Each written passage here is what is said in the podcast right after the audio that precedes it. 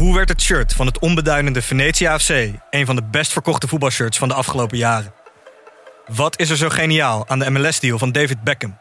En waarom vinden we het normaal dat jeugdspelers gezien worden als investeringsobjecten? In de podcast Grof Geld onderzoek ik, Sam van Raalte, voetbaljournalist, samen met merkstratege Per van der Brink de macht van geld in de voetbalwereld. Wat gaat er schuil achter de wereld van sport en glamour? En wie profiteert er? Luister naar Grof Geld en hoor hoe de Skybox de staantribune beïnvloedt. Dit programma wordt mede mogelijk gemaakt door Toto.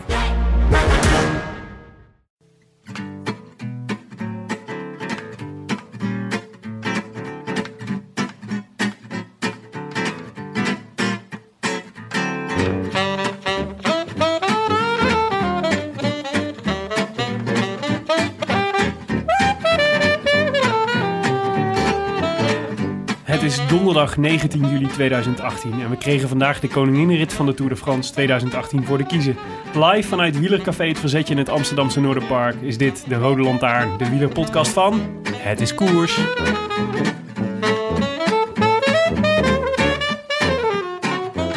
Hoe vaak kan een hart breken op pak een beet 175,5 kilometer? Best vaak, bleek vandaag. Het vierkant van Brabant besloot de Skytrain te tachten en ging vroeg op avontuur. En verdomd, ze lieten hem begaan. Zes minuten was het. En virtueel geel, misschien wel onze favoriete geel na RAL 1024. En bij absentie van sneeuwmuren groeide ons vertrouwen met een minuut. Met vier minuten aan de voet van Alpe moest het lukken, zei José. Maar de zes minuten werden vier minuten. En toen nog maar anderhalf. En was het de eerste twee keer nog een Franse slag in de tijdswaarneming. De derde keer kwam het gewoon doordat de 273 overgebleven Skybots tempo maakten vooraan het peloton. De kleerhanger strandde. En zijn inhaler Chris Froome keurde hem geen blik waardig. Karma, want Tom Dumoulin nam een kilometer later wraak namens alle hardwerkende Nederlanders. Nou, dan moest hij maar winnen, dachten wij. Niet dus. Eén schakelfoutje en vriend Thomas fietste met zijn fietsie, nou ja, foetsie. Hij deed zijn kunstje van gisteren nog maar eens over. Eerst ieders bordje leeg eten en dan pas aan dat van jezelf beginnen. Twee op rij was het resultaat. Voor Skybot nummer 2, Geran Thomas. Daar gaat Landa. En dan eh, komt de reactie van Thomas. Landa zorgt er op die manier voor dat de sprint ingeleid wordt. Opgelet, dat wordt een vreemde sprint. Hè. Dat wordt een vreemde sprint. Dumoulin probleempje met schakelen. Zit En helemaal daardoor in de vijfde positie verzeild Ja, geraakt. fout, fout, fout, fout, Inschatten van die bocht, daar zijn ze goed doorheen. Thomas omkijken. Hoe zit het? Landa door de bocht. Op naar de laatste rechte lijn. Dumoulin opschuiven, ik nu zeggen, wat als hij gas kan. terug. Daardoor eh, vol in de wind hier eh, Geraint Thomas. Opgepast niet buitenop.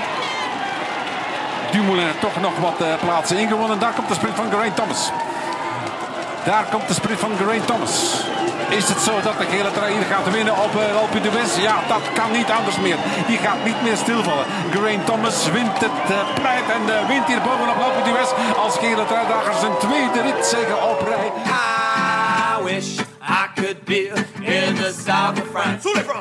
In the south of France. Sitting right next to you. Willem, we, Ja? zi- we zijn niet meer onder vier ogen. Nee, we zijn, eh, we zijn onder acht ogen. Ja, dat is Vandaag. waar. Ja, Dat bedoelde ik eigenlijk niet, maar het is technisch waar. Ja. ja. Nee, eh, nee we, we zijn weer eens eh, vergezeld door de, de, de grote liefde van alle kezen in Nederland. Dit is de, Nienke de Ik Jong. hoorde dat, ja. Hi, Ja, dit is de feestetappe, de feestetappe van dit jaar. De feestetappe. Waar heel veel mensen altijd naar uitkijken. Welkom Nienke. Dankjewel, jongens. Wat leuk dat je er weer bent. Nou, vereerd om er weer te mogen zijn. Een Friesin in de keet. Natuurlijk eh, bekend als eh, host van de podcast Ik Ken Iemand Die. En Ja. in de avonduurtjes doe je ook nog wat voor het AD, begrijp ik. Ja, maar het is toch wel voornamelijk, ik ken iemand die inderdaad. Beetje column schrijven. Drie keer in de week, toch? zeker, zeker. Ja. En deze weken zes keer, dus ik kan ook lekker veel over wielrennen tikken. Oh, je moet... eh Eusjan is op vervangen? vakantie, ja. Oké. Mag dat gewoon? Mag je gewoon, eh, als je zin hebt om eh, even de rest van het leven links te laten liggen... gewoon drie columns over de Tour op rij schrijven? Nou ja, we hebben natuurlijk ook Thijs Zonneveld, hè. En eh, dus die doet het ook heel goed. Dus maar zo nu en dan pak ik zo eens eventjes een, een, een zijweggetje mee. Dat vind ik wel heel leuk. Wat was je laatste column over wielrennen? Eh, over eh, Lizzie Armistead, Lizzie Oh ja. Degen. Die eh, kopvrouw bij Trek wordt. Die was zwanger, toch? Ook? Ja, die is zwanger en toch als kopvrouw aangesteld. En dat eh, gaf mij eh, heel veel vertrouwen in de toekomst. Want ja, Ook in je eigen toekomst. ja ik ben net bevallen. dus als, als zij weer zeg maar, volgend jaar op volle oorlogsterkte... Dan moet het jou ook lukken. Nou, zeker. Ja. Hey, Nienke, hoe vind je het in onze Kate? Ik vind het, eh, het... Het voelt als thuiskomen. Ja, dat dacht ik wel. Ja, Friesland staat er vol mee, toch? Met dit soort Zeker. keten. zeker. Ik was nog te grote nerd om in een eh, Friese zuipketen te zitten. Dat, ik was niet zo'n... eh, We hadden er wel eentje in het dorp en daar hing een bordje op en er stond op... Klopen is voor mietjes. Klopen is voor mietjes. Wat Wat, is dat? betekent klopen? Is dat Weet- zoiets als klunen? Er moest gewoon kloppen staan, maar dat was Ah. even verkeerd geschreven. Oké. Kan je, kan je En, eh, omschrijven voor eh, de mensen die er niet eh, bij zijn eh, hoe we erbij zitten? Nou, ik ben vooral erg, ja... eh, ik vind vooral jullie gordijnen heel indrukwekkend. Dat zijn namelijk een paar hoeslakens, als ik het zo bekijk. Ja, we hebben de paar onderbroeken van Jonne hebben we overal tegen de muren geplakt. Ja. Om eh, het geluid wat beter te maken. Hoe, hoe slakens met dubieuze vlekken erin. Her en der. Nou, ik denk dat mensen soms wel eens kunnen denken dat de podcastwereld een zeer eh, glamoureuze wereld is. Waarin het, het geld eh, tegen de plinten klotst en eh, ja, waar het beste niet goed genoeg is. Maar Niks is minder waar. nou, het, is, het weer. is een houtje touwtje wereld is het. Een houtje touwtje wereld. Nou, ik zag in de, docu- ik zag in de documentaire over Sauna Diana bij andere tijden... Mhm. zag ik dat ze hier jaloers op waren geweest in het peloton eh 20 jaar geleden. Dat zeker. Oké, Op 30 deze jaar kiet. geleden. Ja. Als ze die bij hun hadden gehad, waren ze het sky van die tijd geweest. Hey, Ja. maar Tim, jij komt uit eh, Leiden, toch? Ja. Hadden ze daar geen keten? Nee, ik, het was voor mij echt helemaal nieuw. Jullie, maakten dit, jullie begonnen hier ook over voor de uitzending. Over, hey, jullie hadden in Friesland toch ook keten? Ja. Toen dacht ik, wat, wat bedoel je daarmee? Ik weet helemaal niet wat je bedoelt hiermee. Ik weet eigenlijk nog steeds niet. Maar waar heb jij dan godsgruwelijk veel leren drinken? Nou, in eh, Leiden had je gewoon cafés. Ik weet niet hoe dat... eh, hoe was dat in En, en Maden? de sociëteit. natuurlijk. Sociëteit, we gingen naar de soos. Ja, Tim, Tim zat op zijn achtste al bij Minerva. hè? Ja, Ja. dat Wist je dat? ik ging met... Mini eh, Minerva. ik ging met mijn vrienden Jon en Gorka Isagiri ging ik regelmatig naar de soos. Dispuut uilenbal. Maar had je ook, eh, had je ook keten in eh, Maden? Nee, ook niet zo. Nee, nee wij, wij- maar wij, in Brabant heb je natuurlijk gewoon carnaval, waar je, waar, waar je, leert, waar je heel veel leert drinken. En kermis, toch? Ja, en kermis ook inderdaad. Dat is ook altijd wel groot. Ja, verder gewoon cafés. Misschien zijn we net iets rijker dan de Friesen. Uh, Ja, wij hebben ook wel cafés, maar ja, je leert zeg maar, het begin is altijd in een keet. Daar leer je Ja. drinken en dan ga je naar eh, dorpsfeesten. Ja, ik was ook veel te braaf. Misschien waren ze er wel, maar is dat mij nooit verteld? Ja, Dat zou kunnen. Ja, we kunnen er nou nu, heel stoer over doen, sluit het niet uit. en nu je het zegt, denk ik ook, ja, misschien waren Leiden werd Nou, inderdaad nee, heel gedronken in ik, weet, keten. ik weet het. Het was natuurlijk, het is allemaal rondom die carnavalsverenigingen georganiseerd. En die beginnen dan zeg maar, na, na de zo, in de zomer beginnen ze al met bouwen van de carnavalswagen van het jaar erop. En dat, dat is altijd, dus in de loods is het dan meer heel veel drinken. Nou, ik denk dat ze gewoon als ze ons aanzagen komen lopen, dat ze dan zeiden snel je bier verstoppen, want er komen die sukkels aan en die mogen niet bij ons in de keet. Die mogen niet lopen. Oh. Nee. Jongens, we moeten even bij... On, we zitten nu nog in de categorie ditjes en datjes. Ook al gaan we gelijk de diepte in, Ja. zoals, eh, zoals jullie merken. Maar we nou moeten bericht even, dat gisteren Facebook deed ontploffen? Ja, ik dacht, ik breng even te berde dat Sagan en zijn vrouw uit elkaar zijn. Mhm. Zo las ik eerst op de Twitter van Raymond Kerkhoffs. Dan klikte ik door. Toen kreeg ik een Facebook bericht van Raymond Met Kerkhoffs. met een verklaring. En daarin stond een verklaring van Sagan. Kun je, kun je een stukje vertellen over de verklaring? Ehm, nou, ik vond het heel mooi. Ze, le- ze leken op een heel erg vriendschappelijke en liefdevolle manier uit elkaar te gaan. Niemand zou hier het slachtoffer van, van worden. Ik vond het wel een curieus moment tussen twee bergetappes in. Om, eh, qua timing. Ja, Ja. om dat naar buiten te brengen. Eh, Nienke, heb jij dit gelezen? Eh, nee, dit was echt nieuw voor mij. Mm. En het is ook wel omdat ik dit soort eh, nieuws natuurlijk slecht aan kan met al die hormonen. Mhm. Nee, maar het- ze hebben een klein Er was een kindje in het spel, hè? Ja. Ja. Ach. En hoe heet die? Eh, Marlon. Marlon. Ja, Marlon eh, is natuurlijk het slachtoffer weer. En dan kunnen ze natuurlijk zeggen vreedzaam, maar het is natuurlijk vreedzaam smeedzaam. Hè? Dat weet je. Tussen twee, twee alcohols Ja. Je eigen scheiding op, op Facebook gooien. Is gewoon ontploft na de eerste alcohol. Ja, precies. Waarschijnlijk. Ja. Nou ja, ik heb, eh, ik heb er een verdrietige smiley onder gezet, dat mogen jullie best weten. En je bent er niet zo scheutig mee. Nee, dat ben ik Jij zeker. bent een groot mens. Ja. Maar weten Ik jullie dacht, iets ik over... Peter even laten weten, dat ik dit mij ook raakt. Hebben jullie deze, de biografie van eh Liedewij van Noord over Sagan gelezen? Stond daar iets in over zijn, eh, over, over zijn liefdesleven? Ehm, Ik weet helemaal niks het over... antwoord is nee en ik weet het niet. Oh. Ik weet het ook niet. Maar Nee. ik wist ook niet eens dat ze dus uit elkaar waren. Ik had nog steeds die foto's van eh, Peter en zijn vrouw als eh, Grease. Op mijn netvlies. En Ja, daar een wil ik het- video zelfs, toch? Ja. Hebben ze dat toen gemaakt? zeker, maar dat wil ik, gewoon- daar wil ik het graag bij houden, Ja, zeg maar. ja, dat moet het beeld zijn wat we van dit stel eh, moeten, over moeten houden. Daar Niet moeten we aan blijven denken. Niet een Facebook-bericht van Raymond Kerkhoff. Nee. Ik ben toch blij dat we even bij stil hebben gestaan, jongens. Ik, Ik het, ook. verdiept ons, eh, het verdiept ons narratieven over de Tour. Ja. Ehm, rectificaties moeten we naartoe, eigenlijk. Want dat is wel eh, belangrijk. We hebben, twee, eh, we hebben er twee vandaag. Ehm Ja. Voel jij je aangesproken om een van de twee eh, op je te nemen? Nou, de leukste vond ik wel van Rick Lindeman. Die Mhm. zei, een rectificatie voor de Rode Lantaarn. Tim de Gier dacht dat Willem Dudok hem uitmaakte voor Judas. Jij deed de hele tijd eh, drie keer... Kukeleku. Ja, kukeleku en drie keer kraaien. Ja. Maar het was natuurlijk Petrus die Jezus Het drie publiek keer... dacht natuurlijk dat er, dat er daadwerkelijk een haai drie keer aan het kraaien was. Maar nee, ik was het. Ik deed het na. Ja, dat was, het was een zeer goede eh, Mhm. impressie. I know. Ik ben wel nu even de draad van de tweet kwijt. Oh ja, Tim de Gier dacht dat Willem Dudok hem uitmaakte voor Judas. Ik wil gewoon dat je dit Maar- nog een keer zei. Tim de Gier dacht dat Willem Dudok hem uitmaakte voor Judas. Maar het was natuurlijk Petrus die Jezus drie keer verlogend voordat de haan kraaide. Dus ik maak die uit voor Petrus. Ja, ja. ja en het is natuurlijk ja, eh, eh, voor close watchers van The Passion of van de Matthäus eh, Uh, ja, eh, waar, waartoe ik me allebei eh, schaar. Ja. Ja, ik had het natuurlijk moeten weten. Maar ja, wat wilde hij eigenlijk zeggen daarmee? Want ik, kijk, dat je me voor Judas uitmaakte omdat ik een, een landgenoot niet steunde. Want daar ging het geloof ik gisteren om. ja. Dat, is, dat, dat snap ik nog wel. Maar wie heb ik verlogend? En nou, die landgenoot. Door had ik... ja, oké. Ja. Ja, maar het, in het geval... Had je ook landverrader kunnen noemen. Maar ja, Ja, klinkt ook heel onvriendelijk. ja, nee, maar het en bovendien een, had ik dan mijn, eh, mijn, eh, mijn haantje niet kunnen doen. ja, maar het was, het was een, ik vond het een goede rectificatie van Rick Lindeman. Zeker, hij was niet de enige. Er waren meer mensen die bijbelvast waren. Ja? Ja, oh, daar ben ik hoop, normaal hoopvol, trots. vond ik dat. Ja, dat is een gevarieerde groep luisteraars. hè. We hadden nog, nog een andere rectificatie van Hidde Spaan. Die had er zelfs twee eigenlijk. Namelijk één is dat we zeiden dat Cavendish net buiten de tijd was. Dat was niet, hij was een half uur buiten tijd. Ja. Maar hij finishte wel. Dat was eigenlijk de belangrijkste boodschap. Daar waren we, eh, dat vonden we knap van eh, Mark. En we hadden het... eh, Eh, ja, maar we- het, dit was, ik wil je er wel graag even op wijzen dat dit een, eh, dit was een ironisch, ironische opmerking van ons gisteren. Want wij zeiden hij finisht nipt buiten de tijd, omdat Ah. hij echt belachelijk ver buiten de tijd binnenkwam. En zichzelf echt kruipend naar ironie- boven moest eh, Die ironie was mij ook ontgaan hoor. Ja? Ja. Ja, maar dat komt omdat ja, jij zat te kraaien de hele tijd. Ja, precies. Dat is wel een beetje waar. Eh, en we hadden het over Rudy Moinard in de kopgroep. Maar daar hadden we twee Franse renners door elkaar gehaald. Althans, van twee Franse renners één renner gemaakt. Namelijk van Rudy Mollard en Amael Moinard. Jeetje. ja, Ja, het is goed- belangrijk dat we dat even eh, recht hebben. zeker. Ja. Ik betwijfel ten zeerste of dit echt twee verschillende mensen zijn. Het zou kunnen. Maar eh, nou, twee rectificaties. Ik vind het heel erg meevallen. Eigenlijk. Ja, ja voor zo'n eh, voor, voor zo'n emotionele uitzending als gisteren. Ja, dat is waar. Daar willen we nog wel eens door de ondergrens zakken. Ja. Hey, ehm, Natje, moeten we naartoe hè? Natjes. Voor vandaag. Nienke, we hebben ook voor jou een natje meegenomen natuurlijk. Heb je er eentje uitgezocht die bij Nienke's karakter past? Oh, hey. Er valt me iets op. Wat? Eh, nou, eh, ja, ik heb er zeker... Nou, ik heb er vooral eentje gepakt eh, die er bij, bij de dag eh, past. Hij heet namelijk Dag en Douw, het natje. Brouwerij de Molen geeft ons voor, eh, elke, eh, voor elke aflevering een eh, apart biertje.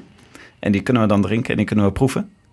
Eh, maar En jij koos dag en dauw. En ik heb vandaag dag en dauw gekozen. En de beschrijving die eh, Brouwerij de Molen ons gaf voor, deze, voor dit natje is... Je maakt bier met water, mout, hop en gist. Hey, dit hadden we bij de eerste uitzending hadden we dit even op een rijtje moeten zetten. Bij dit bier wordt aan het eind van de vergisting nog even een, een tijdje de schil van bergamot, bergamo, citrusfruit toegevoegd. Dit geeft het bier een wel heel verfrissend karakter en voldoende jus in de benen. Het lente- en zomerbier bij uitstek. Nou, als ik één ding met de zomer associeer, dan is de Alpe d'Huez wel.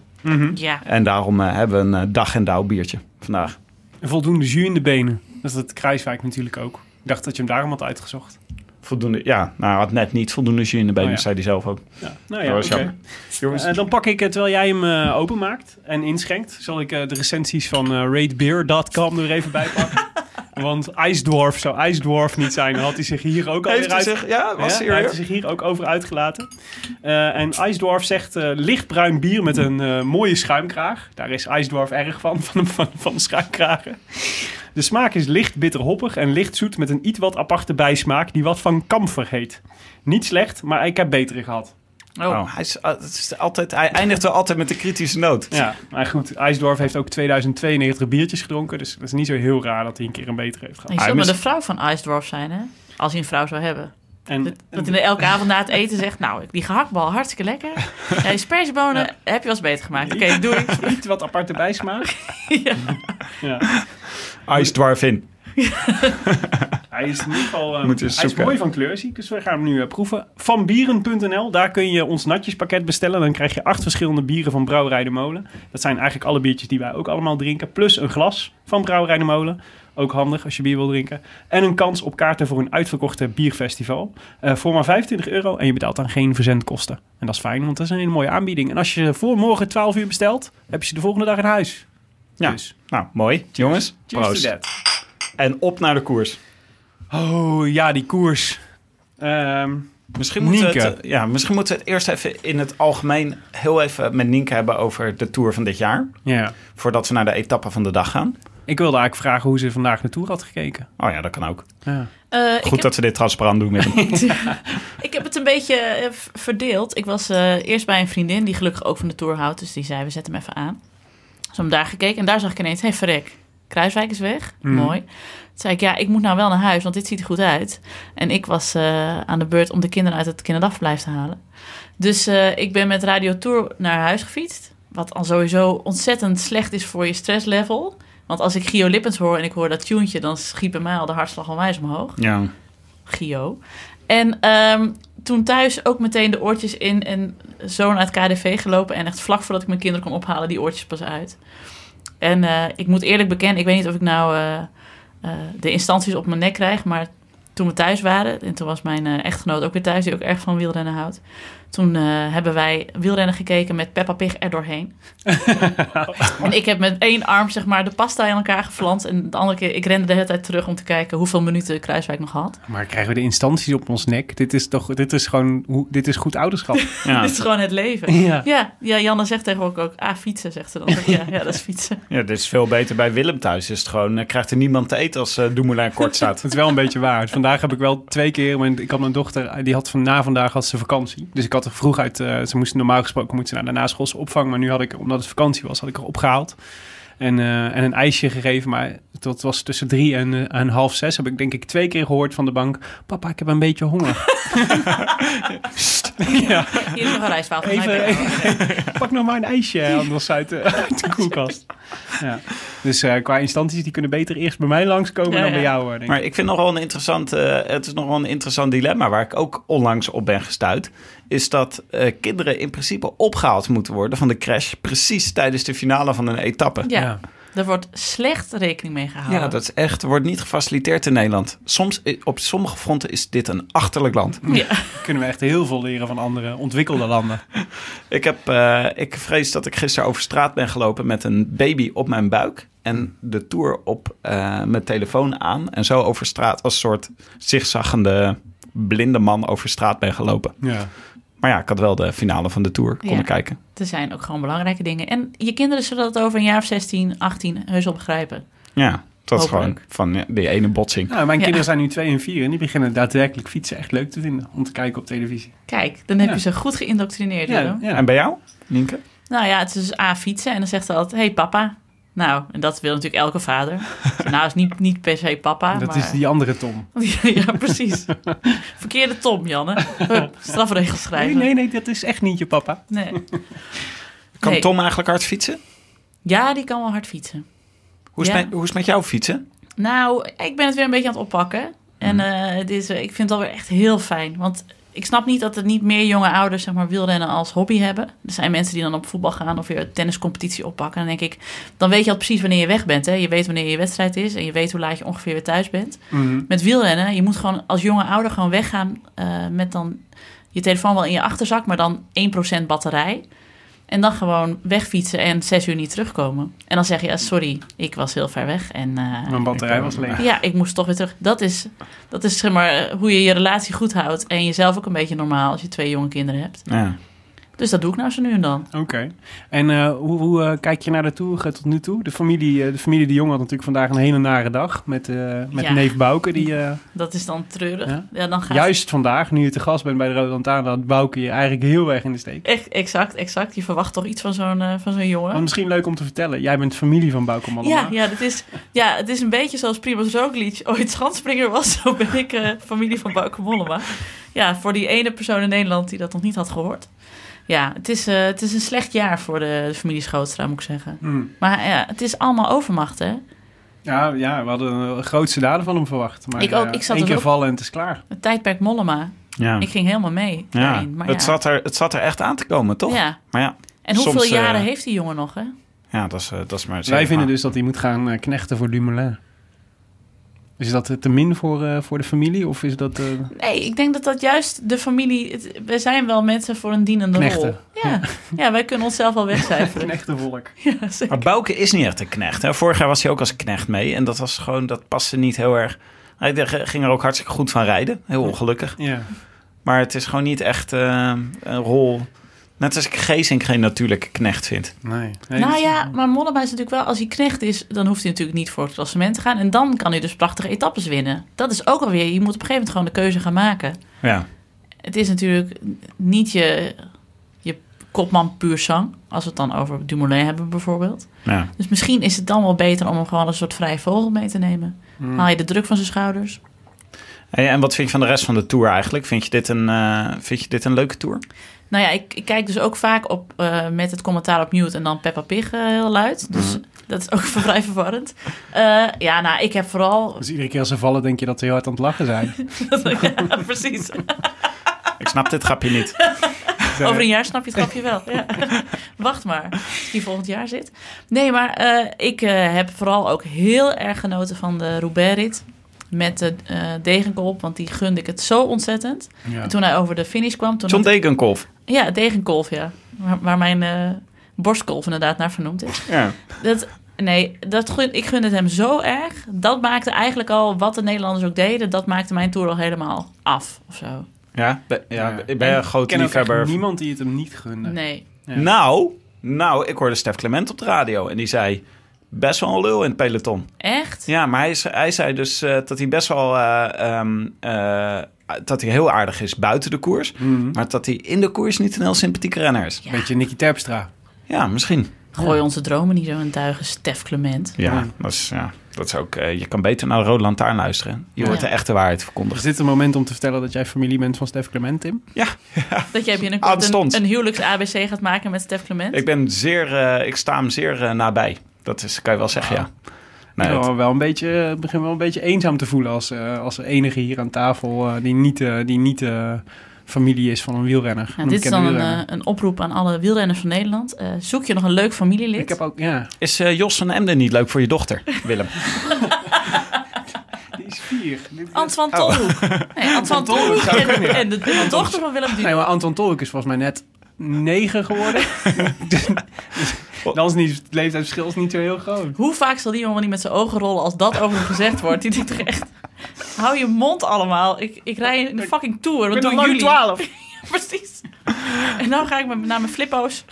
Laat me met rust. Oké jongens, laten we naar de koers van de dag gaan. Ja, de koninginrit was het vandaag. Althans, de koninginrit van de Alpen. Ja. Toch? Dus had een, er is toch een officiële koninginnenrit. Volgens mij was dit, zeg maar het routeboek zegt dan, dit is de koninginnenrit. Ja, En volgens mij was dit hem vandaag. oké. Nou ja, 175 kilometer. Ja. Drie puikenkools. ja. Jij kunt altijd, ik ben altijd een beetje, eh, ik hou heel erg van jouw Franse accent. Dus misschien moet jij even vertellen Ja. welke kools we vandaag over met, de lichtse, lichte Haagse tongval. De, ja, het ging eerst even door de vallei. Eh, daarna gingen ze de verraderlijke Col de la Madeleine op. Hmm. Ja, mooi. Zeker. Thanks. Kijk vooruit uit naar deze. Daarna was eh, voor het eh, landschap, want eh, dat is een heel saai stuk. Daar kan je ook gewoon over snelwegen en over, weet je wel, van die grote Franse wegen kan je rijden. Maar voor het eh, landschap gingen ze de Lacet de Montvernier op.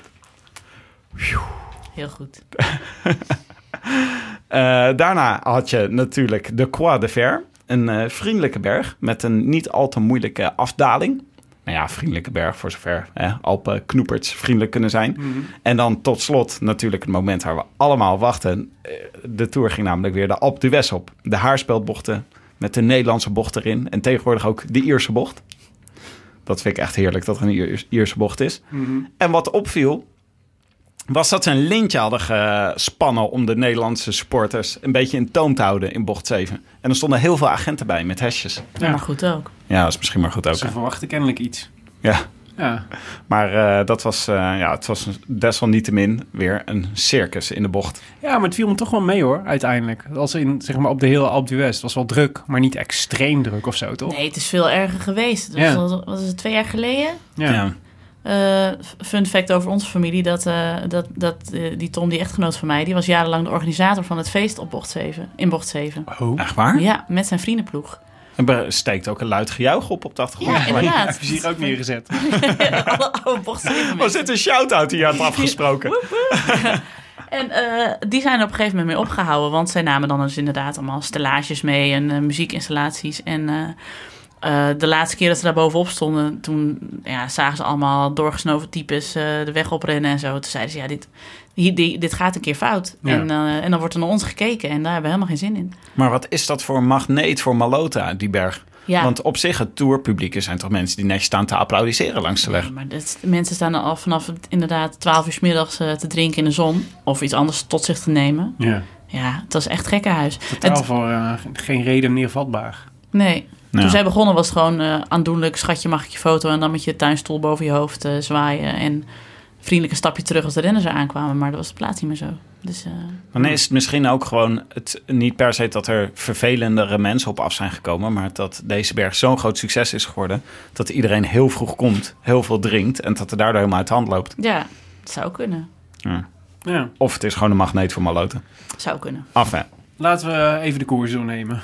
We begonnen natuurlijk, eh, we waren er meteen vanaf het begin weer bij. En eh, we zagen de eerste, de eerste kilometers waren downhill. Dus dat was echt eh, vol op, meteen vol proberen om in de vroege vlucht te komen. En de, de groep die ontstond was eigenlijk heel groot. En ook, nou ja, daar, wij, wij werden er wel blij van. Want er zat een hoop interessant volk in. Ja, onder meer Robert Geesink. Mhm.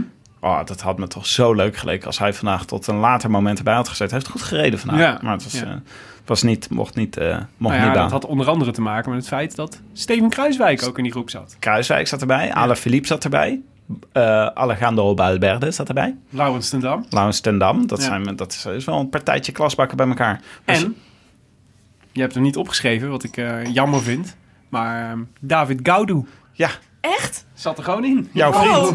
Ja. Jouw moneyball eh, mijn, inzet. Mijn moneyball inzet, ja. Mijn, eh, ja, nou ja, die, ook, ook David luistert de Rode Lantaarn of leest een horoscoop. Eén van de twee. en die had bedacht, dit is mijn dag. Ja, dit is te- terecht. Dus hij zat ook in de kopgroep. Ik ging dus had, eh, kijken op- Ik had hem alweer, eh, ik, had al, ik had mijn, mijn Unibet inzet alweer verdriedubbeld. Had je, had je op hem ingezet? Nee, natuurlijk niet. Oh. Ik, ik weet niet of Unibet hem ingevoerd heeft als mogelijkheid. Jawel, jawel, jawel. Ja? Zeker wel. Ja. Ik ging even eh, op zijn naam zoeken op Twitter. En dan kwam, kwam erachter dat heel veel Dat fans ik heel heeft. vaak over hem getweet had. in één dag. Ja, dat, en waar. dat er gewoon heel veel andere fans ook zijn. Mhm. Dus jouw train, Ja. is, eh, daar zijn eh, meerdere mensen op Ja, gesprongen. ik had een beetje de voorspelbokaal. Ik dacht, ik moet even proberen om meer mensen mee te krijgen op de train. Er was één iemand die wel in de stiltecoupé wilde zitten. Verder bleef het angstaanjagend stil. Het was niet een heel lange train vanuit Nee, Nederland. Niet een hele lange train, nee. Eh, maar goed, die groep ging er dus vandoor. En, eh, en daarin, eh, nou ja, er, er- ja er, er gebeurde van alles. Er, werden, er gingen, probeerden een aantal mensen uit te ontsnappen steeds. Het was echt chaos. Ja, Het was echt chaos. Het was het was eigenlijk ook een mini-pelotonnetje natuurlijk, hè? Ja. En met allemaal mensen die serieuze plannen hadden. Maar laten we flash forward gaan naar het belangrijkste moment. Ja, het was op 72 kilometer van de finish, op de beklimming van de Croix de Fer, dat Steven Kruiswijk, het vierkant van Brabant, de kleerhanger, een aanval deed op, het, op de gele trui en eh, binnen no time virtueel in het geel reed. ja. Kle- klein gilletje. Klein gilletje op de bank hoor. Ja. Ja, echt. ja, had je maar dacht je, wat dacht jij toen je dit eh, hoorde? Ik dacht, dit, dit, heeft kans van, dit heeft kans van slagen, dacht ik. Want hij is zo sterk. Hij is Ja. de hele tour al zo sterk en zo calm en collected. En hij doet geen trap te veel. Hij rijdt moeiteloos met de, de beste mee naar boven. Echt, het, maar ik dacht wel, toef je te vroeg. Ik heb ooit een keer zeg maar, deze etappe de andere kant op gereden, zeg maar. Mhm. Wij reden toen de Tour for Life in Bergaf. 2013. ja, bergaf. En dan deed je op dag 1 deed je de Alpe d'Huez. En dan dag 2 deed je dan eerst eh, eh, de Madeleine en dan de Croix de Fer. Ja. Of uh, Croix de Fer en dan Madeleine. En eh, dus eh, ik dacht, die Croix de Fer, dat is me toch een eh takkenlang stuk. Ik heb daar namelijk ongeveer drie dagen over gedaan. Dus ik dacht, het is wel 72 kilometer van de finish. Dat zijn meestal van die dingen die alleen Froome doet, hè? Ja. Misschien hebben ze bij Lotto Jumbo eh, naar de Giro gekeken. En dachten zo, wow, wat een truc. Die gaan we opschrijven voor de Tour. Dat moet Niet. gewoon kunnen. Ja. Ja. En het dossier uit de laag gepakt vanochtend bij mogelijke scenario's. En gezegd, Steven, Aan jou de eer. Maar ik dacht ook dat het best wel ver was. Maar ik had eigenlijk eerder al het moment dat ik dacht... Wat gek eigenlijk dat eh, Sky het wel prima vindt dat Kruiswijk hier in deze groep zit en zoveel voorsprong neemt. En later dat hij, eh, dat hij eh, daaruit ontsnapt. En dat ze eigenlijk nog steeds niet echt reageren, behalve dan gewoon mensen op kop zetten. En, en je hoopt dan natuurlijk eigenlijk van misschien, misschien onderschatten ze hem volledig. Maar ja, die zaten natuurlijk op hun laptopjes te berekenen hoeveel wattages Steven Ja. aankomt en hoe ver het nog was en hoe de wind stond. En wanneer ze moesten gaan fietsen om hem precies twee kilometer voor de meter terug te kunnen pakken. Ja. misschien eh, zaten ze onderling ook een beetje op elkaar te wachten. Van, eh dachten ze, gaat niet iemand anders hem terugpakken. Ja, Eh, iemand die bij de top 5 een beetje in de buurt staat. ja. En niet, eh, dat Kruiswijk niet direct een gevaar is voor Froome en Geraint Thomas. Nou ja, Maar wel voor eh, Landa of zo. Ja, nou, het was wederom, eh, was wederom feest. Want de eerste, de beste ploeg die wel achter Kruiswijk aan ging rijden, rijden was Mobbystar. Mhm. En, ehm, en die maakte de, ehm, de... We hebben, we hebben hier in deze podcast heel vaak afgegeven op de ploegentactiek. En gelachen meer eigenlijk dan afgegeven op de ploegentactiek van Astana. Maar Mobbystar mocht er vandaag zijn hoor. Die, hadden, die kregen het dus voor elkaar om op een gegeven moment eh, vol op kop te gaan rijden. Met ehm Soler, die reed op een gegeven moment op kop. En eh, die ging op een gegeven moment totaal afge, afgepaaid van, eh, van kop af. En toen reed Mika Landa een beetje om zich heen te kijken voor, vooraan op kop. Wie, Wat ik? gebeurt er? Wie, Ze- ik? Zit nu in één keer op kop en er is niemand meer in mijn wiel. Wat moet ik Dit was doen? gewoon een subtiele manier om tegen Landa te zeggen, je bent een knecht. Dit had Go Valverde fuck yourself, ingefluisterd. Landa. Soler nu van kop af gaat, rijdt hij daar ineens. Hij weet niet wat hij Een moet doen. goede truc. Maar de paniek in de ogen van Mika Landa, die zal ik niet licht vergeten. Maar dat was, eh, nou ja, dat was een domme move van Mobistar. Want die deden dus wederom het werk wat Sky eh, eigenlijk had moeten doen. Maar Willem, even nog heel En dat even dit moment De hele tijd. Met Mobistar. Nee, ja, dus dat andere, dat op het moment dat Sky, eh, de- Sky krijgt altijd nog hulp, omdat er altijd ploegen zijn die voor een tweede of een derde plaats willen rijden. Dat is echt, dat is wat, we kunnen heel vaak zeggen, Sky is de, de, de sterke ploeg, maar het komt ook omdat Nou die andere, heel veel andere ploegen te laf zijn om tegenin te gaan. Ik eh, wil hier graag een verhaal naast zetten. Namelijk, naast. ik, heb, eh, ik ben tegenwoordig watcher van interviews met eh, Zo- zoals jullie weten, Nibali Versteer. Mhm. En eh, die vertelde van dat de strategie van eh Mobistar en Bahrein is om het zwaar te maken voor de Skies. Ze hopen door op kop te gaan rijden en net boven hun favoriete wattages te gaan zitten, dat er een paar van die Skies vroeger afvliegen. Ja. Dus eh, dat, ja, dat je Rowe kwijtraakt en Moscon en Kwiatkowski. Ja, het werkt niet, maar dat is Het wel... werkt ook al vier jaar niet. Het werkt al vier jaar. Verzin eens wat nieuws. Ja. Het zijn iteraties, zei Willem. Dit wordt langzaam verbeterd. Ja, oké. Dus eh, over, over vier jaar zijn ze er. Hmm. Maar dit, was, dit is denk ik ook het idee van Mobbystar geweest. Heel vroeg heel veel tempo maken en dan hopen dat de eerste knechten er al afvliegen. Ja, ik denk echt dat het platter is dan dat. Ik denk echt dat ze gewoon dachten, we moeten Kruiswijk niet te ver laten lopen. Want dan hebben we, dan hebben we straks eh, geen kans meer met, eh, of minder kans met Valverde op het podium. Hmm. Of, eh, of Quintana op het podium. Of Landa op het podium. Nou, misschien dat zou kunnen. Ja. Wat maakte jij van de... Wat dacht jij toen je hoorde dat het Kruiswijk zo voorop lag? Ja, ik was natuurlijk... Nee, Je WhatsApp alleen Heroïs. maar kut Mobbystar naar mij. Dat was het enige. Verder geen jubel, jubel over Kruiswijk of zo. dat klopt, ja. Ik had, het, zat me, het zat me nogal hoog. Nee, eh, nee, ja, fantastisch. Maar het is, eh, wat ik vooral zo vet vind... Dus je kunt, dus heel tijd, je kunt wel de hele tijd zeggen en doen van... eh, tegen Sky valt toch niet op te boksen. Dus ik doe niks behalve volgen en, en, en hopen dat, ze, dat, er iets, dat er in die ploeg iets misgaat... of dat ik, weet ik veel, op het laatste bergje kan aanvallen. Maar ik, ja, dat werkt dus al vijf jaar niet. Dus je moet andere dingen gaan proberen dan dat. En je moet de koers anders maken. En anders dan, dan, dan, zal het altijd, dan le- levert het altijd hetzelfde resultaat op. En dat vond ik heel vet van Kruiswijk. Dat hij gewoon, ondanks dat hij op de zesde plek in het algemeen klassement staat... dat je toch denkt, fuck die zesde, plek in het klassement. Ik ga gewoon de dood of de gladiolen. Als ik hoger wil komen of podium wil halen... of misschien zelfs kans wil maken om de Tour te winnen... dan moet ik hier, eh, dan moet ik hier mijn slag slaan. Of moet ik ergens iets doen wat buitengewoon bijzonder is. En daar ik kwam een heel eind. Hij kwam echt een heel Hij eind. is echt Ja, en- heel goed. En gewoon- zonder mensen zoals Kruiswijk hadden jullie ook geen podcast te vullen, zeg maar. Als iedereen van dat scheidbakken wielrennen, zeg maar... Ja. Dan had ik weer eh, de Wikipedia-pagina met David Gaudu moeten, moeten precies. lezen- stel je voor dat we het alleen maar over Vogelsang hadden moeten hebben, deze tour. Ja, nou, Had je niks om over te praten. de Vogelsang podcast. Het is gewoon alleen maar gechirpt de hele tijd. Er gebeurt helemaal niks met die Zo'n jongen. mindfulness is dat. Ja, ontzettend. Ja. Welkom. Cricket. Of Roglic, trouwens. Die ook gewoon, Roglic, die gewoon de hele tijd netjes in eh maar zesde dat- of Ja, zevende verwacht ik positie wat fietst. van. Ja. En dat, was, dat is natuurlijk de luxe. Dat- dus dat helpt Kruiswijk natuurlijk ook wel. Dus dat Roglic hoger, nog, eh, nog één plekje hoger stond. Dus dat je dan, eh, dat geeft, kun je natuurlijk met een geruste hart gewoon iets proberen. Je, kla- het klassement van Lotto Jumbo is niet alleen afhankelijk van Kruiswijk. Ja. En, eh, maar ik dacht, op een gegeven moment had ik... Ik was, eh, ik was eh, natuurlijk al scenario's aan het bedenken. Ik dacht, als hij die zes minuten overhoudt... Ik dacht, ik, volgens mij, als, Sky zich echt misrekent... Dan, en ze rekenen eh, Kruiswijk niet tot de favorieten... hebben ze echt een probleem. Want Kruiswijks derde week is beter... Altijd. Hij is altijd goed in de derde week. Wordt altijd iets vierkanter nog als, hij, als je naarmate de Tour eindigt. En, ehm, eh, en hij heeft gewoon, hij- in tegenstelling tot bijvoorbeeld Dumoulin, heeft Kruiswijk, eh, stel dat hij op zo'n positie terecht zou komen, heeft hij wel knechten die hem kunnen helpen. Namelijk Roglic, Geesink en Antoine Tolhoek. Anton Tolhoek. Ja, Ja. precies. Dus de, de, de- Jouw schoonzoon. maar ja, mijn, ja, mijn, mijn schoonzoon. Dat klinkt echt, dat klinkt echt heel smerig. maar goed, ja, nou, kan er, als het, misschien als we het nog drie keer zeggen, ben ik er aan gewend. Maar hij was, hij was supergoed, hè, Kruiswijk. Want Ja. hij was te goed voor de groep waarmee hij zat. Ja. Die konden allemaal niet met hem mee. Want hij reed ook zo, zeg maar, een soort van... Hij reed weg van, hallo, dit, dit- we moeten opschieten. We moeten, Ja. het, we moeten verschil maken. Ja. En bovenop de Fer was zes minuten de, het verschil met Froome. Ja. Of met de groep van Ja. eh Geraint Thomas. En eh, dat, dat, zes minuten is zo lang. Als je gewoon zes minuten stil gaat wachten langs de weg. Ja, dat zit is de, dat is de. Vogelsang podcast. Ja. Die je dan beschrijft. Inderdaad.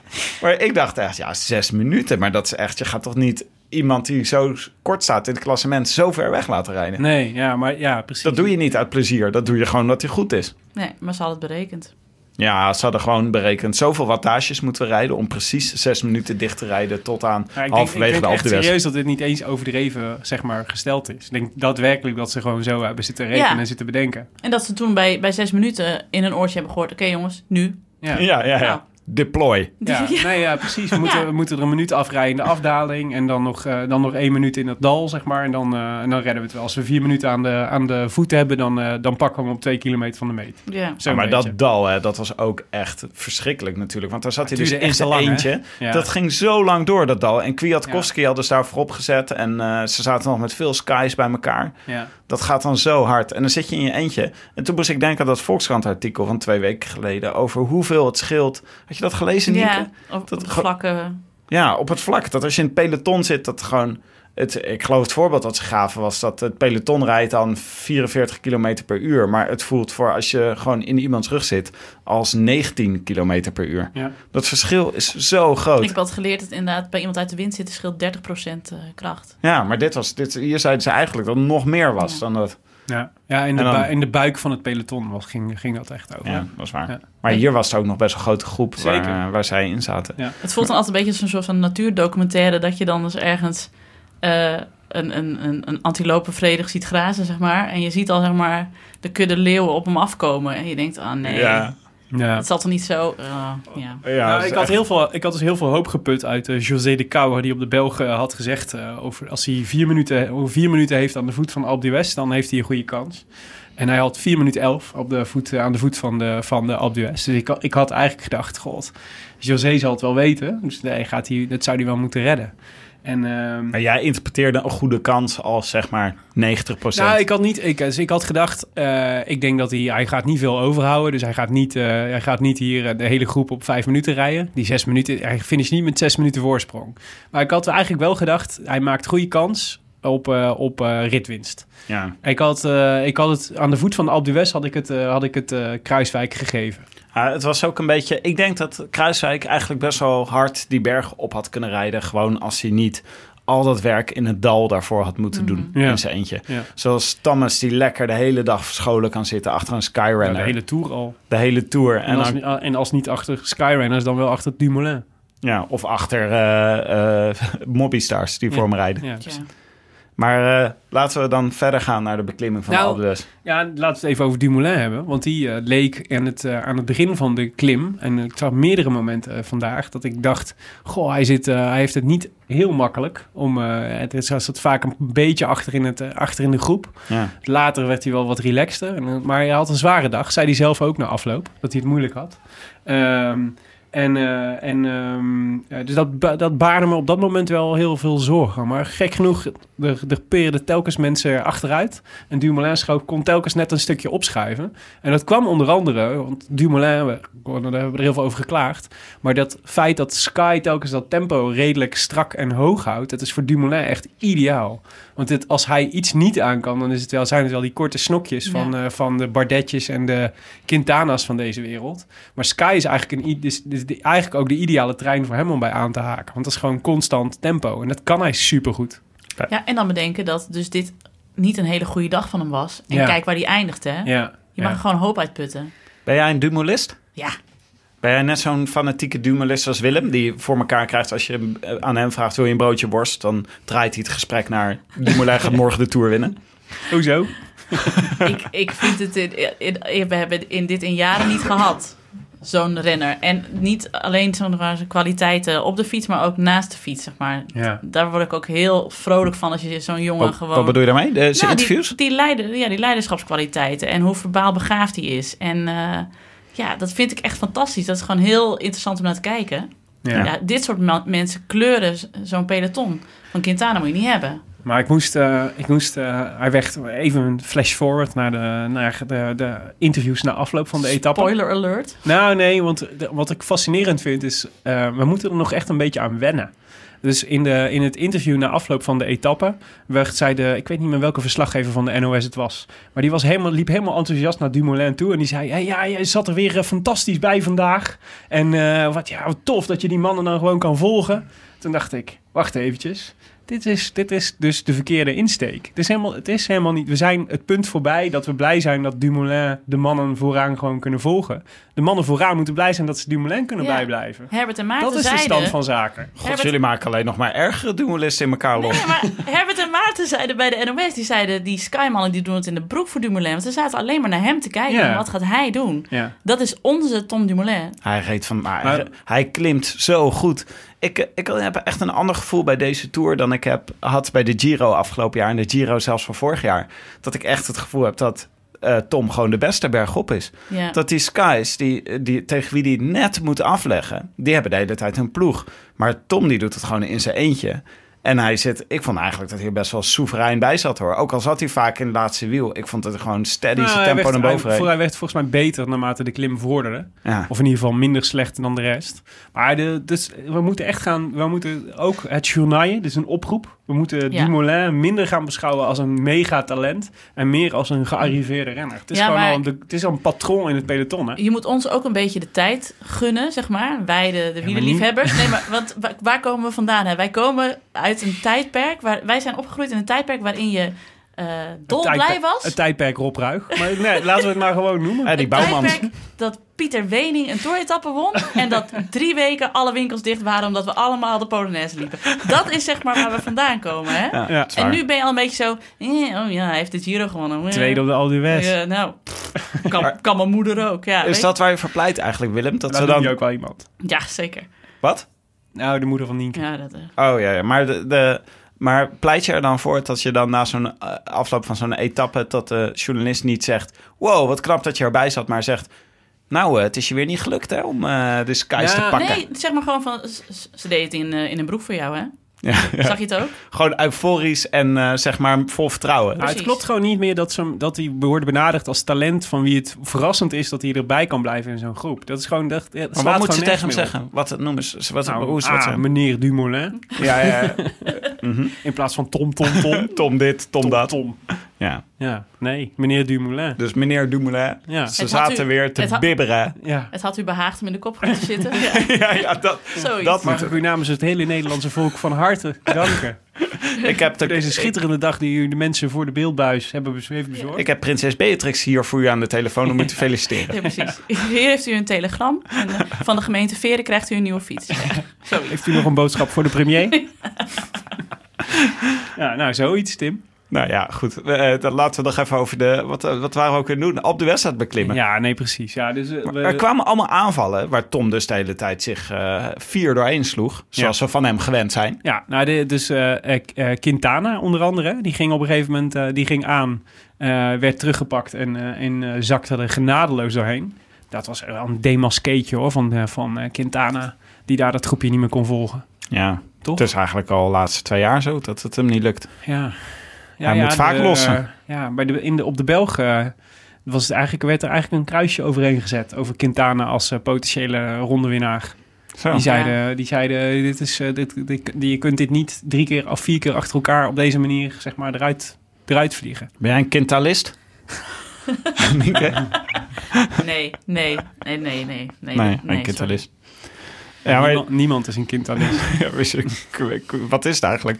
Maar de, eh, wat ik mooi vind, is dat ik mis dus Aru als hij niet meerijdt. Want die doet altijd, zeg maar, zijn demarages op eh, eh, extreem dramatische wijze. Van de ene kant van de straat naar de andere kant van de straat... met zijn, met zijn mond op het asfalt. En, eh, en dan gewoon drie meter pakken en dan heel langzaam terugzakken. Hebben jullie de, de, de foto van jullie andere vriend van de show, eh, Martijn Hendricks, gezien? Ja, ja, ja. Die jongen heeft een eh, behoorlijk goede Fabio Aru-imitatie Ja? in het gezicht. zeg maar. Expres of per ongeluk? Nee, eh expres. Oh, dat, Dat was indrukwekkend. Ja, dat, Ja. Die, die ga ik wel even opzoeken. Maar ik wilde zeggen dat eh, gelukkig Nibali deze rol, rol overneemt.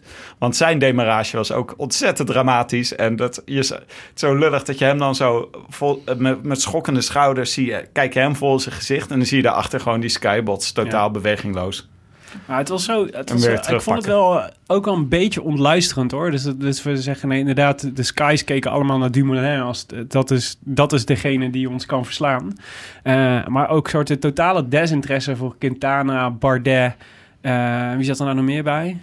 Die, oh ja, voor Nibali eigenlijk ook. Dat je gewoon amper reactie krijgt op het, op het feit dat die demareren. Dat ze vinden ze gewoon niet meer interessant. Ga Gewoon, maar. ja, ga wij maar we pakken al wel, lang een, je waait wel weer terug. ja, of we hebben al lang een plan voor jou op, eh, Ja. over drie dagen. En dan eh, zetten we je in de hoek en dan kom je nooit meer En ze eh, krijgen ook telkens gelijk, want ze, wa dus ze waaien inderdaad gewoon weer, weer terug het groepje in. Dus het zijn echt van die, zijn echt van die, die, die zelfmoordpogingen, die soort last, die dan, die, ja, die, die, blij- die, die blijven gewoon niet. Ze waaien er vervolgens allemaal af. En ehm, eh, dus dat vond ik heel, dat was natuurlijk heel opvallend. Nou, ik heb dus het gevoel dat Bardet, de aanvallen van Bardet, dat die toch op een andere manier ontvangen worden. Ja. Ik denk dat Bardet bergop eh, een van de beste is die er op dit moment eh, nog, nog meerijdt in de, in de kop van het peloton. ja. Dus dat, ik hoopte ook zo in de finale dat als dan Dumoulin aanviel, dat Bardet het gelijk ook weer zou doen. En weer Dumoulin en weer Bardet. Dat was misschien de manier geweest om, eh, om het verzet te breken. Ja, want er werd wel uitgebreid gepraat hè, in de finale van de, van de klim. Wat? Door de renners tussen- onderling? Ja, tussen Dumoulin en Froome en eh, Ja. Thomas. En, eh, Ja, ik Ja, ben wat heel benieuwd wat, wat Dumoulin met Froome en, eh, en Thomas heeft besproken. Ja. Want ik zag hem nee knikken op een gegeven moment. Nou, toen dacht ik, dit, ik vind het sowieso goed dat je nee zegt tegen Sky. nou, dit ging, ik denk... Waarschijnlijk, ik waarschijnlijk denk, heb wat denk eerst jij? Oh, nee. Ik eerst. denk dat ze zeiden, ehm, eh, jij mag deze Alpe d'Huez hebben, ehm, maar dan laat je het eh, een, een deze dagen, dan laat je het een beetje, weet je, eh, geen serieuze aanvallen meer op die gele trui dan. Zoiets. Oh ja. Echt? Denk je dat? Ja, dat is wel heel, eh dat zou er natuurlijk sowieso nee op zeggen. Maar zoiets Of, van, je mag of deze... niet, niet meer demereren en met ons naar boven rijden, mag jij de etappe-overwinning. Eh, Nee, dat denk ik niet. nee, ja, niet als je met twee man, niet als je er met twee man nog zit, toch? Dan doe je dat toch niet? Nee, ik dacht, ik dacht zelf eerlijk gezegd dat het Ik ging om op kop rijden. Ga kopwerk doen, dan kan je tijd pakken op je concurrenten. Dat het zoiets was. Want eh, de Froome en eh Geraint Thomas zaten duidelijk in zo'n padstelling... dat geen van de twee voorop wilde rijden. Die gingen echt zo naast elkaar rijden. Omdat geen reden de met z'n vieren naast elkaar op een gegeven moment. Ja. Een soort, eh, soort eh, Champs-Élysées, eh, laatste, laatste etappe-rit met z'n allen over de finish. Zeg maar dat gevoel kreeg Ze hielden ook elkaars handen vast, hè? Zeg je dat? El, Elfstedentocht 1967. Ik wou dat was het. Hey, wat is inderdaad? Die ene bewust met z'n zes over de finish kwamen. Ja. Daar moest ik ook aan denken, ja. Ja, dat, was, dat gevoel was ik een beetje. Wat denk jij dan, Willem? Nou, ik denk dat het gewoon over, eh, ik denk dat het gewoon over kopwerk ging. Dus ik denk dat ze gewoon, eh, dat ze gewoon vroegen, eh, we, we, rijden, we rijden met z'n drieën, rijden we Nibali en, eh, en eh, Quintana aan gort. Ja. Zou iets altijd zijn geweest. En ik denk, denk dat Dumoulin dacht, ja, dikke vinger eh, met je Sky. Je, gaat, maar je bent hier met z'n tweeën, doen jullie het Ja. maar. Ik denk dat het zo simpel is eigenlijk. Klinkt ook wel plaus- plausibel, moet ik zeggen. Of ze vroegen of dat hij volgend jaar bij Sky wil komen fietsen. Ja. Echt een goed moment om dat aan te snijden. Tom, nu ik je toch hier tref. Moet je toch op de d'Huez fietsen in de laatste kilometer. Misschien leuk om... eh, Wat doe je volgend jaar? Ja, wat doe je Hey, volgend rij jaar? We de gaan, van Kamer eigenlijk? we gaan op een ontzettend leuk weekend naar de Ardennen dit najaar. Heb je zin om mee te gaan? Ja, profronde Sjarhuis de Veen. Ooit van gehoord? Ja. Maar dit was echt, ik vond het zo'n terug moment dat die Skies dus geen kopwerk wilden doen en Ja. Dumoulin gingen laten rijden. Toen dacht ik echt, ja, dit, dit moet je dus gewoon echt niet pikken. Dit moeten zij gewoon doen. Nee. Dat zij niet meer gingen rijden, dat vond ik echt, echt belachelijk. Ja. Dat ze zelfs toen al hun 236 knechten weg waren, nog steeds geen kopwerk wilden doen. Ja. Nee, maar je, wat je nu natuurlijk, en dat maakt de laatste eh, week natuurlijk ook nog heel interessant, is dat je die, die broederstrijd bij Sky gaat krijgen. En het, we gaan nog veel meer van dit soort momenten krijgen. Dat zij.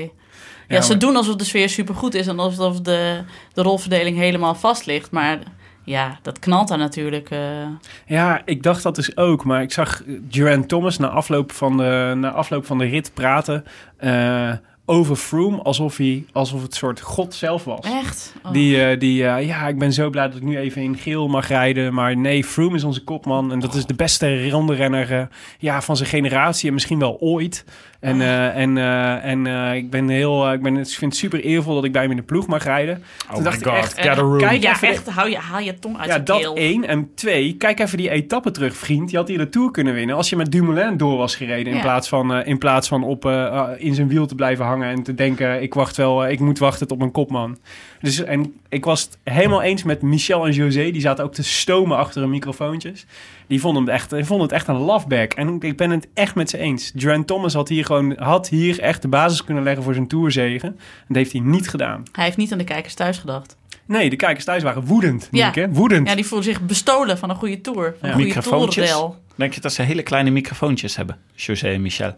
Hoezo? José, ze zitten stomend achter hun microfoontjes.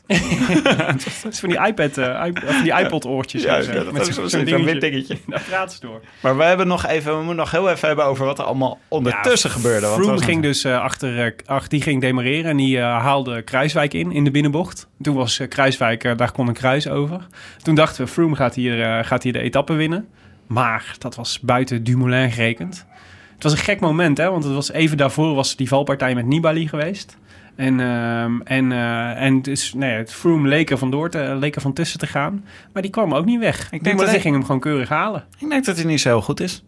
Ik Nee. denk gewoon, als je de hele tijd gewoon lekker uit de wind en achter je knecht hebt gezeten... je kan niet wegrijden op zo'n moment... na allemaal aanvallen die door andere renners zijn teruggehaald... dan ben je gewoon niet zo goed. Ja, ik dacht, die lul piekt natuurlijk weer naar de derde week. Bah. Ja, ja. Gadverdamme. Vooral, vooralsnog is het zeg maar... Iedereen had tijdens de studie altijd zo'n jongen of meisje die dan... Maar in elk werkgroepje altijd, zeg maar, weet je, de, de aanplakker was, zeg maar. Die dan altijd zei van, nee, ik maak de PowerPoint wel, doen jullie alle research maar. Dat, is, dat, is, dat is hij. Mm, Waar je dan een godsgruwelijke hekel aan had, maar had dat wel een acht. Want hij surfde gewoon mee op de lol van anderen. ja. Zo word je dus de beste rondrenner ooit. Ja, Ja, En hij, eh, een eh, Fransoos probeerde nog door hem een, eh, een eh, klap te geven. een beuk te geven. Ja, hij is ingerekend, hè? Door de Oh, daar ben ik heel blij Ja? mee. Ik hoop dat hij, dat hij nachtenlang zonder proces in een, eh, in een eh, lekkende cel terecht Oké, is. Oké, Willem. Het was- het- ja, het is, Ja. het is Ik daadkrachtig. hoop ook dat Amnesty zijn handen van hem aftrekt. Ja, ja, ja. Als het zo moet, dan kunnen we Allemaal niks meer voor doen. mensenrechten, maar we kunnen voor sommige mensen echt een uitzondering maken. Of officieel perscommuniqué van Amnesty. Nee, deze zoekt het maar uit. ja. Er zijn grenzen. Nou, wat ook een raar moment was, Nibali die op de grond lag. En dat gebeurde in een, eh, in het, eerst in een blauwe walm en daarna in een rode walm van Ja. rook. Ja, maar het Die schijnt dus tegen een motor aangereden te zijn. Ja, dus dat niet, niet tegen. direct iets met het publiek te maken. Misschien natuurlijk wel indirect, want die motoren die hebben ook last van het publiek. Maar eh, hij is er ook uit, hè? Of zijn, eh, zijn, eh, zijn schouder, ook weer iets met zijn schouder, geloof ik. En zijn ruggenwervel, toch? Oh, de ruggenwervel, ja. Abandon? Nou, ja, daar lijkt het wel op. Hmm, het hangt Ja. er nog om, Ja, volgens mij. maar- Jonna gebaard vanuit de achtergrond. Er. Ruggenwervelprobleem lijkt me, lijkt me einde verhaal, eigenlijk. Nou ja, dat, eh, hoe heet hij ook weer? Van eh, eh, Education First. Crack, eh, Crackson eh, Lawson. Lawson Craddock. Ja, die, Excellent last. die, die, die zat gewoon in de kopgroep vandaag, eh, de hele koers. Is je opgevallen? Met zijn zwaluwstaartjes op zijn hele gezicht, ja. Maar eh, wat een eh, interessante Ja. statistiek is, hè? Ja, ja, sorry. Nee, maar we waren nog even, even om de etappe af te maken. Want ja. dan kun jij naar je statistiekjes. Dat is leuk. Thanks. Ja, gaat, gaat voor.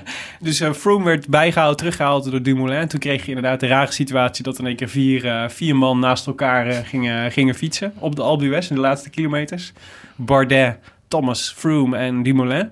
En eh, dat er inderdaad gepraat werd en dat ze, eh, ze reden zo langzaam dat, eh, dat Landa weer aansloot op een gegeven moment. Ehm, vervolgens ehm, reden ze met z'n allen de richting, richting de finish. Het leek erop dat Dumoulin echt goed was. En eh, hij zei zelf ook dat hij zichzelf beter voelde na de klim. Ik vond hem heel zeker ogen. Ik had eigenlijk al gedacht, nou ja, je weet dat Thomas eh, een hele goede eindsprint in huis heeft. Maar Dumoulin kan dat ook in principe. Dus ik dacht eigenlijk, Dumoulin moet dit wel winnen. En, eh, en toen ging Landa aan als eerste. en op, denk ik, 600 meter van de meet. En toen maakte Dumoulin een schakelfout.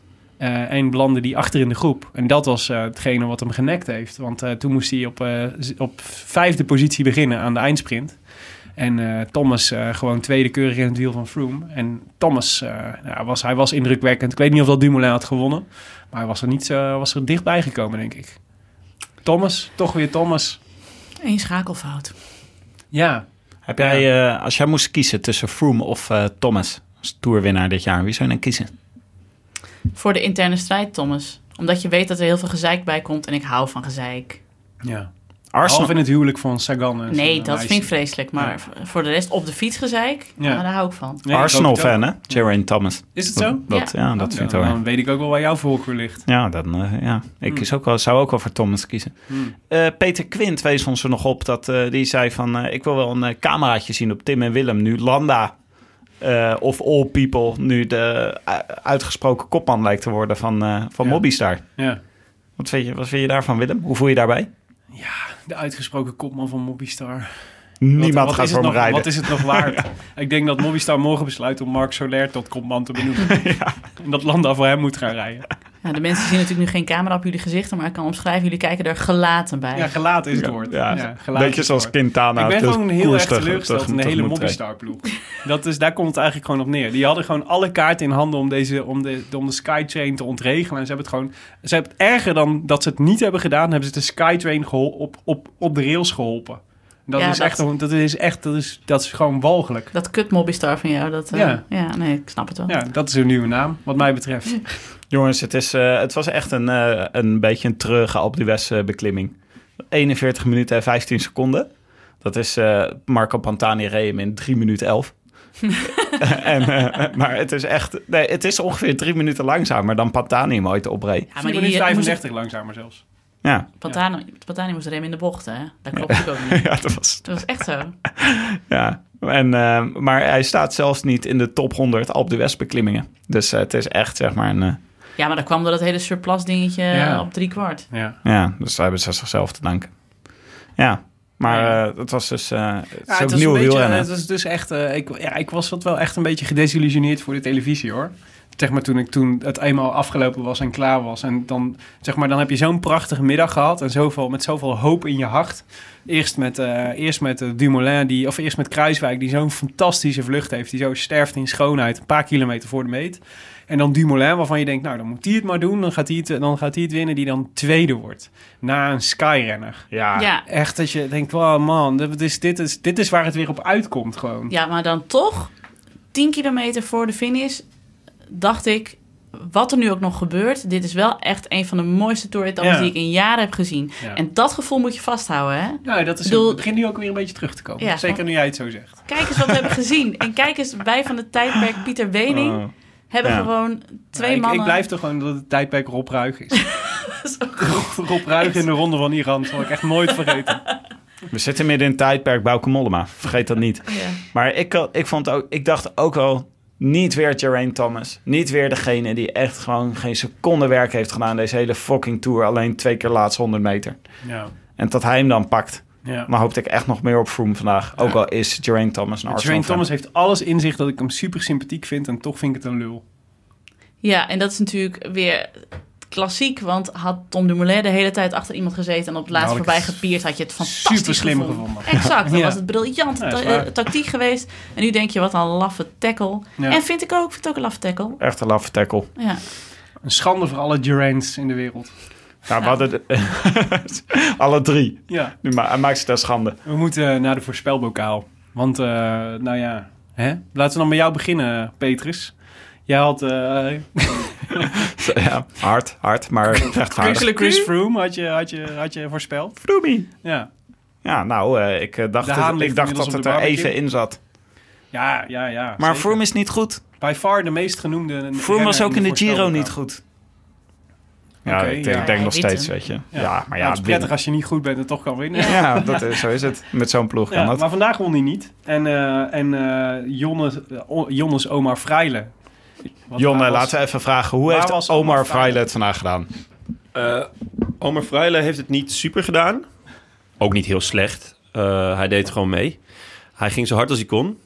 Hij heeft dat overduidelijk niet naar de teamorders geluisterd. Want Nee, de dat teamorders klopt. waren heel duidelijk. Je moet sneller rijden dan alle anderen. klopt. Als je wil winnen. Ja, en eh, die teamorders, ik had dus, ik was verkeerd ingelicht. Die teamorders waren dus van Lotto en El Jumbo. Ah, Dus eh, die, waren naar, eh, die waren uiteindelijk naar Kruiswijk gegaan. Dus daar, eh, daar kan je mij niet op vastpinnen. Om, Omar Freile, Steven Kruiswijk, Potato, Potato. Ja, ja, ja, goed. De Astana teamorders die zijn altijd volledig onduidelijk. En die belanden dus ook wel eens bij Lotto en El Jumbo. En dan krijg je dus vette koers. Omar Freile. Oké, nou goed. Misschien, ik vond het een leuke keus. Maar niet zo leuk als, Als je eigen keus. David Gaudu. David Gaudu. Die, eh die eh, twintigste werd op 6 minuten 52. En wel gewoon een keurige de kopgroep had, eh, de, de kopgroep had meegepakt. Maar hij is pas 22, hè. Dus Had hij zijn bril op vandaag? Koersje met bril Nee, Zoals Laurent Nee. Vignon in zijn beste dagen. nee. Of Alex Sule. Hij ligt inmiddels wel nog alleen op de kamer. Want volgens mij heeft zijn ploeg echt nog drie renners over of zo. Ah. Ja, het is echt heel treurig. Maar ehm, nou ja, we, de, de, het weer Geraint Thomas dus. En eh, er waren zwaar twee mensen die Geraint Thomas nog een keer voorspeld hadden. Dat waren namelijk Thomas van Waarden en Martijn Blankers. Alweer een Martijn. Iedere keer wordt het uh, voorspelbokaal door een Martijn gewonnen. Dat is Hmm. ook wat. Behalve dan vandaag, want vandaag wint Thomas van Waarden. Martijn Blankers. Dan dacht je even dat je hem had, maar dat is mooi niet dus. Thomas van Waarden wint de Oh, voorspelbokaal. dat is heel hard. Heel hard. hè? Het is Zou een niet beetje... durven als hij hier in de keten zat. Nee, nee. Maar nu wel. Ehm, Thomas wint dus een boek uit het wielerfonds van Atlas Contact. Ik dacht eigenlijk, eigenlijk moeten gewoon vrouwen een fiets weggeven, toch? Als, eh, als Thomas een leuke fietsende vrouw in zijn omgeving heeft... of iemand die eh, fietsaspiraties heeft, ja, moet hij dan, eh, Ja, dan krijgt hij een gesigneerde. oké. Maar als hij zegt, getverdemme vrouw En weet je wat, ik, heb nog, ik had dus nog vijf vrouwen fietsen gehad van, van Atlas Contact. Nou, Dus die kan ik er gewoon sowieso bij doen.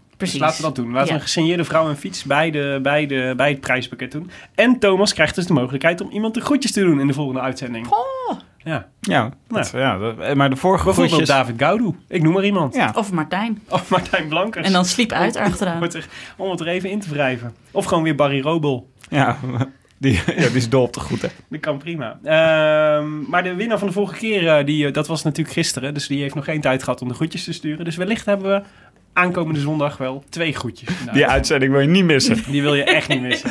Nee. Nu met twee Die groetjes. kans krijg je nooit meer. De volgende voorspelbokaal gaat over de etappe van zaterdag. En dat is een, eh, nou ja, een, eh, ja, wat zal ik zeggen? Het is, een, eh, het is de etappe die, ehm, die eh, over 181 kilometer eh, naar Amiens. En eh, ja, het lijkt in alles eigenlijk een, eigenlijk een sprint, eh, sprintetappe.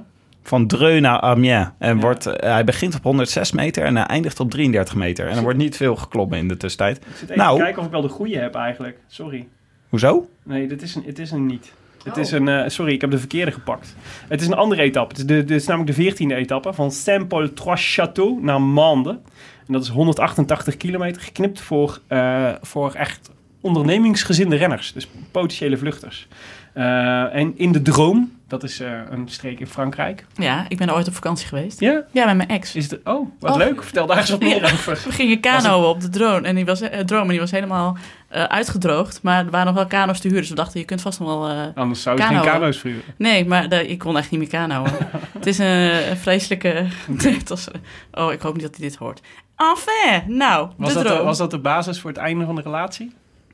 Nee, is maar het is wel- een anekdote die ik vaak heb aangehaald. Het is wel iets wat heel veel spanning kan zetten op je relatie. Oh ja. Een droge rivier. Maar ja, dro wink, wink, nachos. Ja, en we hadden geen drinken mee en geen eten. En we gingen zo'n 30 kilometer of zo. We dachten, we leggen hem wel ergens halverwege even aan. Maar dat was niet echt het geval. Oké. Oftewel, de droom. Ja, ja, ja, precies. Ja, nee, dat is zeker. Ehm, en dat is dus een, eh, inderdaad dus 188 kilometer, heuvelachtig, droom. Eh, ze gaan naar het vliegveld van Mande, daar is de finish. Eh, en er zit één klimmetje in van 3 kilometer eh, aan 10% op eh, anderhalve kilometer voor de meet. Nou, eh, dit is eh, eh, on the spot, jongens, want eh, deze is niet voorbereid. Dus dan wordt het echt, eh, dan wordt het echt serieus. Het is echt moeilijk hè, om dit soort etappes te voorspellen. Want met de aanvallen kan het echt alle kanten op. Maar we hebben nog weinig Franse ritwinnaars gehad. Dus. Oh, Dan doe ik een Chavanel. dat is leuk hè. Die is gewoon... Die is, je rijdt, ja, hij rijdt weer voortdurend in beeld. Ja, daarom. En ik dacht dus van, is hij er nog steeds? Want ik heb het gevoel dat hij ook al sinds 1888 mee fietst. Ja, inderdaad. Die is eh, lang geleden begonnen. Oké, Chavanel. Chavanel. Ja. Jij Willem? Thomas de Gent. Oh ja. Ja. Thomas de Gent etappe. Ja. Ehm, dan zeg ik Bargiel. Want die klimt echt voor geen meter deze, deze ronde. Die heeft veel tijd verloren. Dus die laat ze gerust, weet je wel, drie kwartier vooruit rijden. Oké. Ik had het echt eh, jou ingeschat als een Mühlberger jongen. Echt een, eh, ja? Ja. ja. ja, nee, nee, zo'n type ben ik echt Nee? totaal niet. Geen nee, nee, nee, nee. Oké. Jonne? Ik ga voor Alaphilippe. Die eh, moet toch voor de bollen gaan rijden. En eh, dus ze gaan hem laten rijden ook. En het is gewoon eh, een puncheursaankomst. Ja. En wie kan dat beter dan Julien? Heb je hem gezien bij Vive le Velo-? Ja, wat een leuke Wat een hè? feest. Ja, dat is Ah, ik echt zag hem, het was een nog, genot om naar te kijken en te luisteren. sowieso ik zag ik een, eh, een filmpje van hem dat hij, eh, dat hij zijn, eh, zijn etenzakje aangeboden kreeg. En toen eh, de, de spullen eruit haalde die hij nodig had. En toen had hij een blikje cola over. En het was heel warm. En dat gaf hij toen aan de motorrijder. Echt? Ah, Wil jij- heel vet. Ja, ja, de motorrijder wilde hem wel. En volgens mij ligt hij ook goed in... Julien, dacht ik. Ja, hij ligt ook goed in de groep. Ja, Eh, tikje van eh Valverde op de billen Oh, ja. toen hij langskwam. ja, Dat is genieten. ja. ja Dus, het, is eh, geen, het is geen John Degenkolb. Nee, nee. nee, hoewel de snor en de sikhuis zijn Ja? wel eh, redelijk vergelijkbaar. Zijn wel Dus verwant. dat is leuk. Dat is waar. Oké.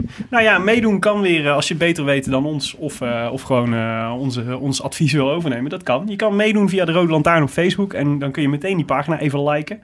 Eh, of het kan via hashtag voorspelbokaal op Twitter. Tim, dat Ja. was hem voor vandaag.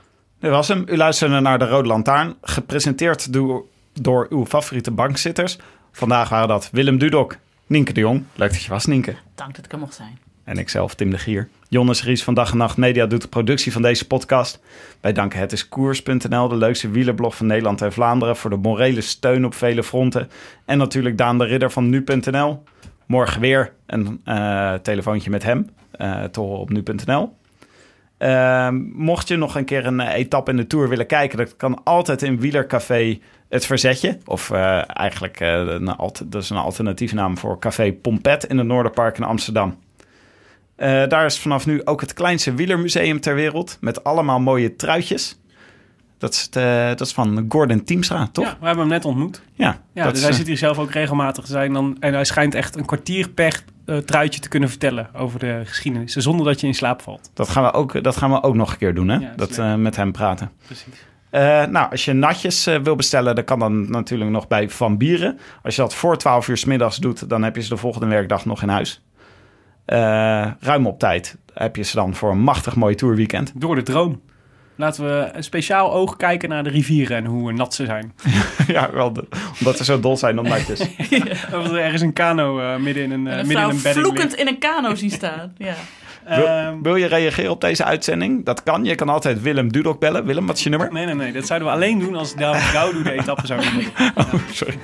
Ja, dan maar op Twitter via Willem Dudok of Tim de Gier of Nienke de Jong. Of Ed, Ed Nienke. Oh ja, Nienke natuurlijk. Een Ja, dat is, ja, dat is echt. Dat zijn, dat zijn dingen om trots op te zijn. En eh Ton Garçon, waarvan eh, de eerste O een eh, 0 is. En eh, dat is de Twitter-account van eh, Jonne. Maar laten we vooral met rust. Weten we uit podcast. Nou, hij wil soms nog wel eens twee weken, twee weken later wil hij nog zeggen bedankt voor je tweet.